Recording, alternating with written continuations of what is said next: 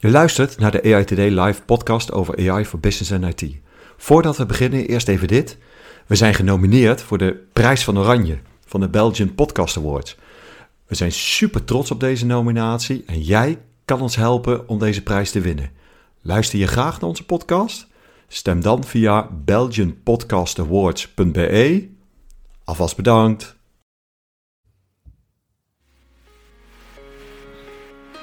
We zijn vandaag de gast bij Dutch Data Forum, georganiseerd door Heliview. Diverse experts en ervaringsdeskundigen komen langs in onze pop-up studio van AI Today Live. In de Bos zitten we, een mooi conferentiecentrum. Uh, mijn naam is Joop Snijder, CTO bij Agency. Mijn naam is Niels de Klee, Chapter Lead Data AI. En ik ben vandaag vanuit huis aangesloten bij deze podcastopname. Ja, dus het geluid is even wat anders dan, uh, dan dat we gewend zijn.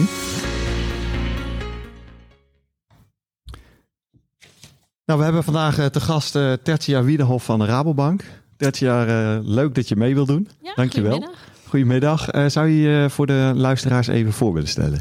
Ja, ik ben Tertia. Ik werk bij de Rabobank als product owner. Dat doe ik op dit moment binnen onze afdeling Global External Fraud. Eigenlijk de afdeling die onze 9,5 miljoen klanten uh, beschermt tegen betalingsfraude, Ja. criminelen. Zo. Um, dus we werken ja, daar veel met data, innovatie um, en het zorgen, het gebruiken van die data om onze beslissingen te verbeteren. En hiervoor uh, ben ik binnen de Rabobank uh, actief geweest binnen Human Resources. En daar heb ik een programma gerund om onze 450 HR-professionals meer data gedreven te krijgen. Oh, wauw. Dat klinkt buitengewoon interessant.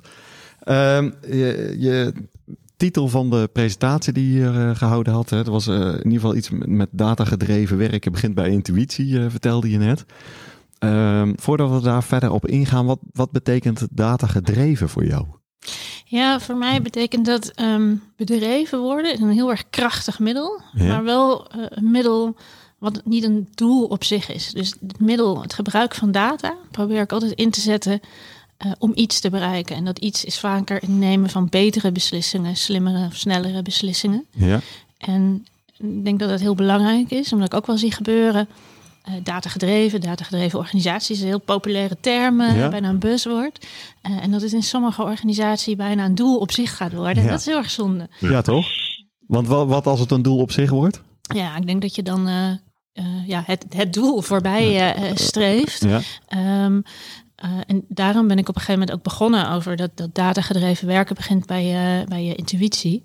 Uh, omdat het heel verstandig is je af te vragen in, in mijn werk tegen welk probleem loop ik aan, welk probleem wil ik oplossen, waar kom ik vandaan. Um, en dan kan je best om die aannames te doen, wat is er aan de hand of wat denk ik dat er aan de hand is. Het is prima om daarbij je ervaring, maar ook inderdaad je intuïtie, dingen die je hoort om je heen, om dat allemaal op te schrijven.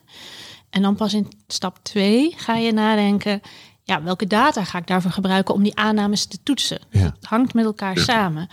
En wat ik vaak hoor, is dat mensen het meer als een soort onderscheid, want het is of we doen alles op basis van intuïtie uh, en ervaring. En aan de andere kant staat alles op basis van data. En ik ben heel erg een voorstander van om dat te combineren. Ja. En ik denk dat je dan echt een krachtig, betere beslissing kan nemen. Oh ja.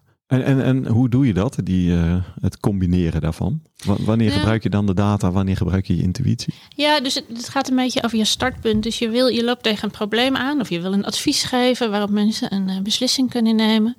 Uh, wat we bijvoorbeeld bij die HR-professionals zagen, die waren bijvoorbeeld met een vraagstuk rondom uitstroom uh, bezig. Die was dan bijvoorbeeld hoger dan, uh, dan ze hoopten. Ja.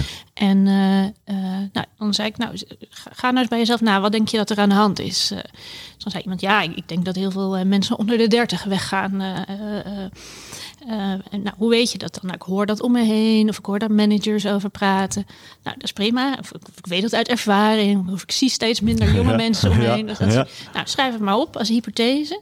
En dan vervolgens, nou, welke data heb je beschikbaar om dat te gaan toetsen? En kan je dat uit een dashboard halen? Of uh, is dat, zijn er andere gegevens van uh, beschikbaar? En die combinatie zag ik dat dat echt wat met mensen deed. Uh, omdat ze dan zeiden, hé, hey, maar het gaat dus niet alleen om die data. Het is en-en. En het staat ook nog ten doel van die betere beslissing. En ja. dan ging het echt leven van, oh, maar dan vind ik het wel leuk. En wat wij daar eigenlijk een stapje bovenop nog hebben gedaan, een schepje bovenop, is dat we hebben gezegd, dat werken met die data, daar kan je eigenlijk heel veel bronnen vernemen. Dus het is niet alleen dat dashboard, wat je misschien on top of mind is, en je misschien heel lastig vindt in gebruik. Ja. Ehm, maar je kan ook denken aan uh, andere databronnen. Als je bijvoorbeeld ontbrekende data hebt op, die, uh, op dat dashboard. Misschien kun je publieke data gebruiken, zoals van het Bureau voor Statistiek, CBS, uh, van Eurostat. We hebben zelfs gevallen gezien dat de KNMI-data, dat weersdata, relevant Okay. konden zijn. Dat zou je, Oké. um, maar ook meer kwalitatieve bronnen. Dus bijvoorbeeld uh, het houden van interviews met uh, experts binnen en buiten uh, je organisatie. Um, en soms datacreatie, dus het, het, houden van een enquête over een, onder een steekproef van je doelgroep. Ja. Dat kun je allemaal gebruiken als, uh, als data. En dan, dat was wel leuk, want dan waar hadden we collega's die dus aan onze datagedreven workshops meededen. En die zeiden, oh, maar dat, dat dashboard vond ik altijd lastig, maar met enquêtes heb ik veel meer. En dan een ander die zei, oh, maar daar weet ik juist niks van en ik kan jou wel helpen met dat dashboard. Oh, dus mensen gingen elkaar ja. ook echt helpen onderling. Mooi. Uh, en dan krijg je een soort vliegwiel, uh, dat het veel groter wordt. Um, omdat het niet alleen mensen zich blind staren op dat ene dashboardje waar altijd wel wat mee aan de hand is. Want het Ja. wordt niet vaak genoeg geüpdate of mensen snappen niet helemaal wat er staat of ze wantrouwen de data. Ja. Maar het behelst veel meer. En dat, uh, nou, die meer holistische blik, die probeer ik ook een beetje mee te Oh ja, geven. mooi. Dus je, je begint eigenlijk inderdaad bij je intuïtie. Je maakt daar een hypothese van die te valideren is of te invalideren. En dan ga je naar de data toe. Ja, klopt precies. En ik vind het heel leuk dat je ook zegt te invalideren. Want soms um, toets je hypothese en dan is er iets niet, niet is geen verband. Hè? En dan denken mensen, oh, maar dan is het mislukt of dan heb ik geen inzicht. Maar het, het ontbreken van een, ja, een correlatie of een samenhang, dat, dat is ook een datagedreven Ja. inzicht.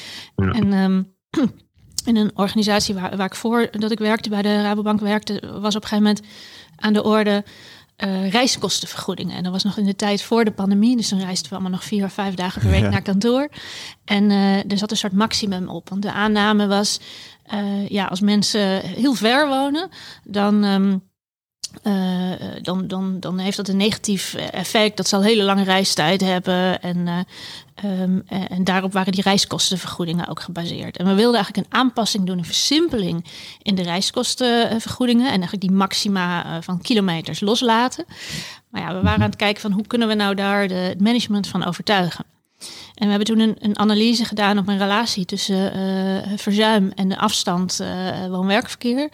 Nou, en dat bleek nou ja, eerder een omgekeerde relatie dan dat het van invloed was. En dat ontbrekende verband Ja. hielp ons wel in een extra argument om te zeggen van nou ja, we zien in ieder geval de data niet terug dat mensen die veel verder worden, dat die zich bijvoorbeeld vaker ziek melden of die dat die minder goed in de energie zitten. En dat was natuurlijk allemaal wel geaggregeerd, want je wil dat niet op individueel niveau gaan uh, in, in dat soort priv- privacygevoelige data. Uh, maar dat soort ontbrekende uh, verbanden, ja, die kunnen ook heel vaak een heel mooi inzicht opleveren van nou, dat hebben we bekeken. En dat verband zien we dus op dit moment niet. En Ja. uh, dat is ook een inzicht. En dat vind ik ook het mooie, dat dat Ja, ook weer wat oplevert. Ja. Wij eh, zitten natuurlijk zelf heel veel in de kunstmatige intelligentie, machine learning. Daar vind je soms ook dingen in je data die je eh, van tevoren eigenlijk niet verwacht had. Of waar je, die je überhaupt niet had kunnen verzinnen. Eh, dat geeft natuurlijk ook helemaal nieuwe inzichten. Dat je, dat je anders moet gaan nadenken dan de werkelijkheid die je, eh, die je in je hoofd hebt zitten. Ja, wel grappig is dat. eh. Ja, en wat, wat ik wel ook de uitdaging vind, en dat is ook wel interessant om nou, hoe jullie daar tegenaan kijken, omdat als je hypothesegericht werkt, ehm, nou, behalve dat mensen dan dus doorhebben dat ze ook die, die ervaring en die intuïtie kunnen gebruiken, het is ook mooi, je gaat ook gericht in de data zoeken. En zeker als je bij wat meer privacygevoelige data werkt, ehm, zie je dan ook dat je die data eerder vrij krijgt. Want je hebt een duidelijke hypothese, je gaat niet zomaar wat grabbelen in de data. Terwijl als je breder data onderzoekt, natuurlijk kan dat ook voor patronen zorgen waarvan je niet wist. Maar ik vind dat altijd wel een spannende eh, samenhang, omdat ja, dat vraagstuk of die, ehm, die link naar de data-ethiek, ja, eh, dat vind ik ook een hele belangrijke. Want niet alles wat je kunt onderzoeken, dat moet je ook willen precies. onderzoeken. Ja. Ehm, dus dat, eh, nou, dat is wel een interessant spanningsveld ook. Ja, nou ja, daar kan ik wel wat over vertellen. Want wat, juist zo grappig dat je dat zegt, dat, dat hypothese gebaseerd eigenlijk eh, dingen aangaan.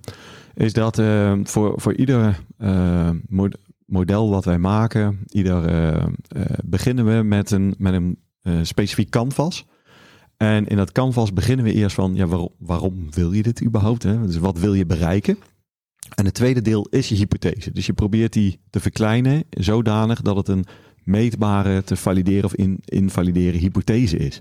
Waarbij je, als je die heel scherp maakt, dus wij, wij willen ook dat je dat in een hele korte periode eigenlijk kan valideren of invalideren. Dat betekent dat je je scope klein moet maken, dat je je uh, datavergaring klein moet maken. Uh, en dat je dan dus ook op zoek bent of de patronen die je denkt, of die ook wel in de data zit. Want uh, wat we tegenkomen is dat er heel veel gedacht wordt dat je zomaar alles magisch uit die data kan halen. Uh, maar dat de correlaties waar je het net ook over had, er überhaupt niet in zitten. He, dus dat lerend vermogen er niet in zit, voorspellend vermogen er niet in zit. Uh, dus dus ja, wij denken eigenlijk ook altijd vanuit hypotheses. Ehm, en ik herken ook wel wat jij zegt, want dat dan ja, we lopen er ook wel eens tegen aan dat je de hypothese invalideert. Dat het in eerste instantie wordt gezien als, als ja, dan is het experiment gefaald of dan is het deel gefaald. Terwijl uh, we kunnen het dan heel goed gebruiken om na te denken over, ja, maar wat moet je dan wel verzamelen? Of waar moet je dan wel zijn? Of wat, wat moet er veranderen? Ja, ik denk dat het heel waardevol is. En ook uh, wat ik mensen ook altijd aanraad, ook om, om vast te leggen uh, als ze iets getoetst hebben en er was geen verband, om dat wel nou ja, vast te leggen en daar ook open over te zijn. Want voordat je het weet wil een collega van een andere afdeling hetzelfde gaan onderzoeken. Ja. En dat, dat heb jij dan al ja. onderzocht. En uh, dat, dat zijn gewoon ook inzichten. dus um, alles wat je onderzoekt, dat, dat, leidt tot een inzicht. En natuurlijk kan je het nou, de verloop van tijd nog eens een keer kijken of het nog steeds een ontbrekend verband is. Ja. maar inderdaad ervan afgaan dat het een ja, een failure is, een mislukking is uh, op het moment dat het een, uh, geen verband is. Dat is wel een hele belangrijke realisatie. Ja, hè? ja. ja. Zeker, zeker. Ik had, ik had nog een vraagje over dat. Ja, um, je zegt net van het is belangrijk om dat te delen. Hoe, hoe delen jullie dat? Want dat zie je bij veel organisaties. Ze willen het wel delen, maar wat is nou ja, wat is jullie ervaring om, de, om die informatie van de hypothese die nou, voor het gevoel dan gefaald was, maar eigenlijk heel waardevol kan zijn? Hoe delen jullie die? Ja, ik denk, ik zie zelf daar ook heel nadrukkelijk de link met datavisualisatie. Zowel als je een verband hebt gevonden, maar ook als het, als het er niet is. Uh, wat wij als hele belangrijke pijler van onze datagericht programma ook hebben gesteld, is die datavisualisatie. Want het is heel leuk dat je dadelijk meer. Uh, uh, ervaring en kennis en kunde hebt in het gebruik van data. Maar hoe ga je die uitkomst nou zo gebruiken uh, dat er ook een betere beslissing kan worden? En uh, je op de hoogte stellen en ook oefenen met hoe je een goede datavisualisatie maakt. En dat is heel vaak dus geen saaie tabel, maar echt ja. de, ja, de storytelling met de data. dat is een hele belangrijke. En daar hebben mensen ook echt in getraind. Uh, en dat deden we ook om een tweede reden. Niet alleen zodat ze dat zelf in hun presentaties konden gebruiken, uh, maar ook als je veel met data gaat werken. En ik zei net al, we hebben ze echt aangemoedigd om met die andere bronnen te gaan werken. Dan gaan ze ook nou ja, artikelen bekijken enzovoort. Dus daar zitten ook vaak visualisaties in. En daar er gebeuren ook heel vaak rare dingen met visualisaties, waarin uh, verbanden aangetoond wordt die er helemaal niet zijn. En ja. daar hebben we mensen ook wel in getraind. En dat is nou, aan de ene kant ook wel heel leuk om te doen. Uh, maar ook heel belangrijk in deze tijd van uh, nou ja, allerlei nieuwsbronnen en wat is wel en niet waar. Ja. dus de, op die manier mensen ook te trainen van hoe kan je je uitkomsten goed visualiseren en meenemen in je verhaal. dat is een hele relevante, want dat, ja, dat is denk ik de missing link naar ook het nemen van die betere beslissing uh, straks. Zeker. Hey, en, uh, want je zit op de afdelingen over uh, fraudebestrijding. Ja. Dan neem ik aan dat jullie daar ook algoritmes voor gebruiken mm -hmm. om die fraudegevallen te vinden. Mm -hmm. Klopt dat? Ja, uh, het is zeg maar een heel een groot uh, geheel. Uh, en je kan dan denken aan algoritmes, maar ook zeker de, het menselijke oordeel daarover is heel ja. relevant. En eigenlijk zie ik daar ook een hele mooie link naar mijn verhaal over datagedreven werken. Want ook bij die algoritmes en AI uh, zie ik weer de link. Weet je, het is niet een doel op zich. Nee. Het is eigenlijk heel erg een duidelijk middel. Ja. En juist die interactie van hoe ga je nou de mensen en de uh, algoritmen samen combineren, goed laten werken. Ja. ja ik vind dat een hele belangrijke nou, opdracht voor uh, bedrijven. Want er, ja, er is heel veel um, vernieuwing en technologie en er kan steeds meer. En je ziet eigenlijk een beetje net als dat datagedreven werken, dat in sommige organisaties of bij sommige mensen dan ontstaat van, oh, het is een doel op zich dat er heel veel AI of het kan mensen vangen. En ik denk dat het in sommige gevallen zeker saai en repetitief werk kan, uh, kan vervangen. En daar is ook helemaal niks mis mee. Maar de menselijke besluitvorming en ook de menselijke maat, ja, die is heel relevant. En dan maakt niet zoveel uit wat voor afdeling, of het fraude is, of HR, of je werkt in een, uh, op een klantenservice of met beleidsmedewerkers. Denk, waar je ook werkt, is die verhouding heel belangrijk. En ook denk ik in opleidingen van mensen die nu een opleiding volgen, ook om te kijken van waar zit dan die verhouding. En niet alleen het snappen wat een algoritme is en er leren mee werken, maar ook van hoe verhoud ik me als mens uh, tot een algoritme. En daar ook weer dat vraagstuk en die link naar de ethiek. Van niet alles wat we kunnen of wettelijk mogen, uh, uh, moeten we ook willen. ja, dat is een hele belangrijke. Ja, helemaal mee eens. Ja. ja. Ja. we hebben de stelling AI versterkt de mens. Hè, dus dat, je moet, het moet inderdaad zeg maar ondersteunend zijn aan wat je aan het doen bent. Uh, niet zozeer vervangend. Er wordt inderdaad heel snel vervangend gekeken. Hè? En net wat je zegt van uh, uh, ja, die menselijke maat, dat vind ik eigenlijk wel een mooie. Ehm, we, we, kennen natuurlijk in de, in de machine learning eh, het, het begrip van human in the loop. Maar dat gaat over dat de mens helpt bij het trainen van dat model. Maar je zou ook een soort van menselijke maat in de loop of zo moeten hebben. Ja. Dat, dat vind ik wel een mooie dat je die meteen eigenlijk noemt. Ja, ik vind, ik vind het heel erg ja, belangrijk. En ook als je nou ja, ziet welke uitdagingen we hebben. Ik denk eh, juist als je het heel slim combineert, uh, uh, dat dat goed is. En ook steeds weer kijkt van gaat het AI hier helpen of hebben we eigenlijk iets anders nodig? Ja. Uh, want nogmaals, AI is niet een doel op zich. Het moet je uh, helpen. Ja. En uh, dat moeten we ook zeker niet, niet vergeten. En het, het, is wel grappig, want ik had vorige week nog met een collega van een andere afdeling een, een discussie. Of, ze stelde wat vragen. Um, en ik kan dan best wel, ik vraag dan ook echt door van, weet je, wat is nou het probleem wat je oplost? en Wat heb je nodig? En zij vroeg op een gegeven moment van, ben je dan heel kritisch over algoritme? En ik zei, nou, ik ben er niet, ik ben er heel voorstander van als het helpt als middel, maar ik zie het niet als doel op zich. Dus de uitkomst van dit gesprek of van deze, van deze vraag hoeft niet te zijn, oh, dus een algoritme is de, is de oplossing. En dat is wel mooi, dat je eigenlijk waardevrij of, uh, adviseert en dat er niet iets per se hoeft uit te komen. Ik was uh, vorige week in, uh, in Amerika op een conferentie. En uh, de, de een van de presentaties ging over tech, en dan moet ik het goed zeggen hoor, techno-solutionism. En uh, uh, de spreekster die had deze term zelf verzonnen. En dat ging er eigenlijk over van we hebben een probleem. En daar zetten we meteen een technologische oplossing mm. tegenover. Ja. En, en daar heb je het eigenlijk over. Ja. Hè? Van het is, ja, en en, en zeker in deze tijd is het dan heel hip happening uh, om dan AI te kiezen. Wij zijn natuurlijk ook, ja, we, we hebben niet voor niks de AI Today live podcast, hè, dus dit, dit is ons vak. En, uh, maar ja, dit, dit, is eigenlijk het, het, het slechtste, het stomste wat je kan doen, is om daar meteen te denken van ja, maar daar, daar hoort een, een algoritme of machine learning model uh, tegen aan. Nee, het liefst zeg maar als een soort van ja laatste middel of zo. Hè? Dus je begint eerst inderdaad met, met kan je het zonder technologie oplossen. Uh, als je dan technologie hebt, wat is dan de meest eenvoudige technologie? Nou ja, misschien kom je op een gegeven moment uit dat je wat complexere technologie nodig hebt. Ja, en dan kan je ook heel erg je, je krachten bundelen. Dat ook daar waar het echt nodig is, dat je daar de focus hebt om wel dat soort complexe technologie, die ook helemaal niet heel, altijd heel makkelijk invoert, dat je die ook echt neerzet waar het nodig is. En dan zal je zorgen dat het vaker voor succes uh, zorgt. Ja. En dan gaat dat ook weer leven. Uh, en dan voorkom je ook daarin uh, ook mislukkingen van experimenten. En natuurlijk mag je experimenten doen en dat mag ook best af en toe uh, mislukken. Daar leer je ook van. Ja.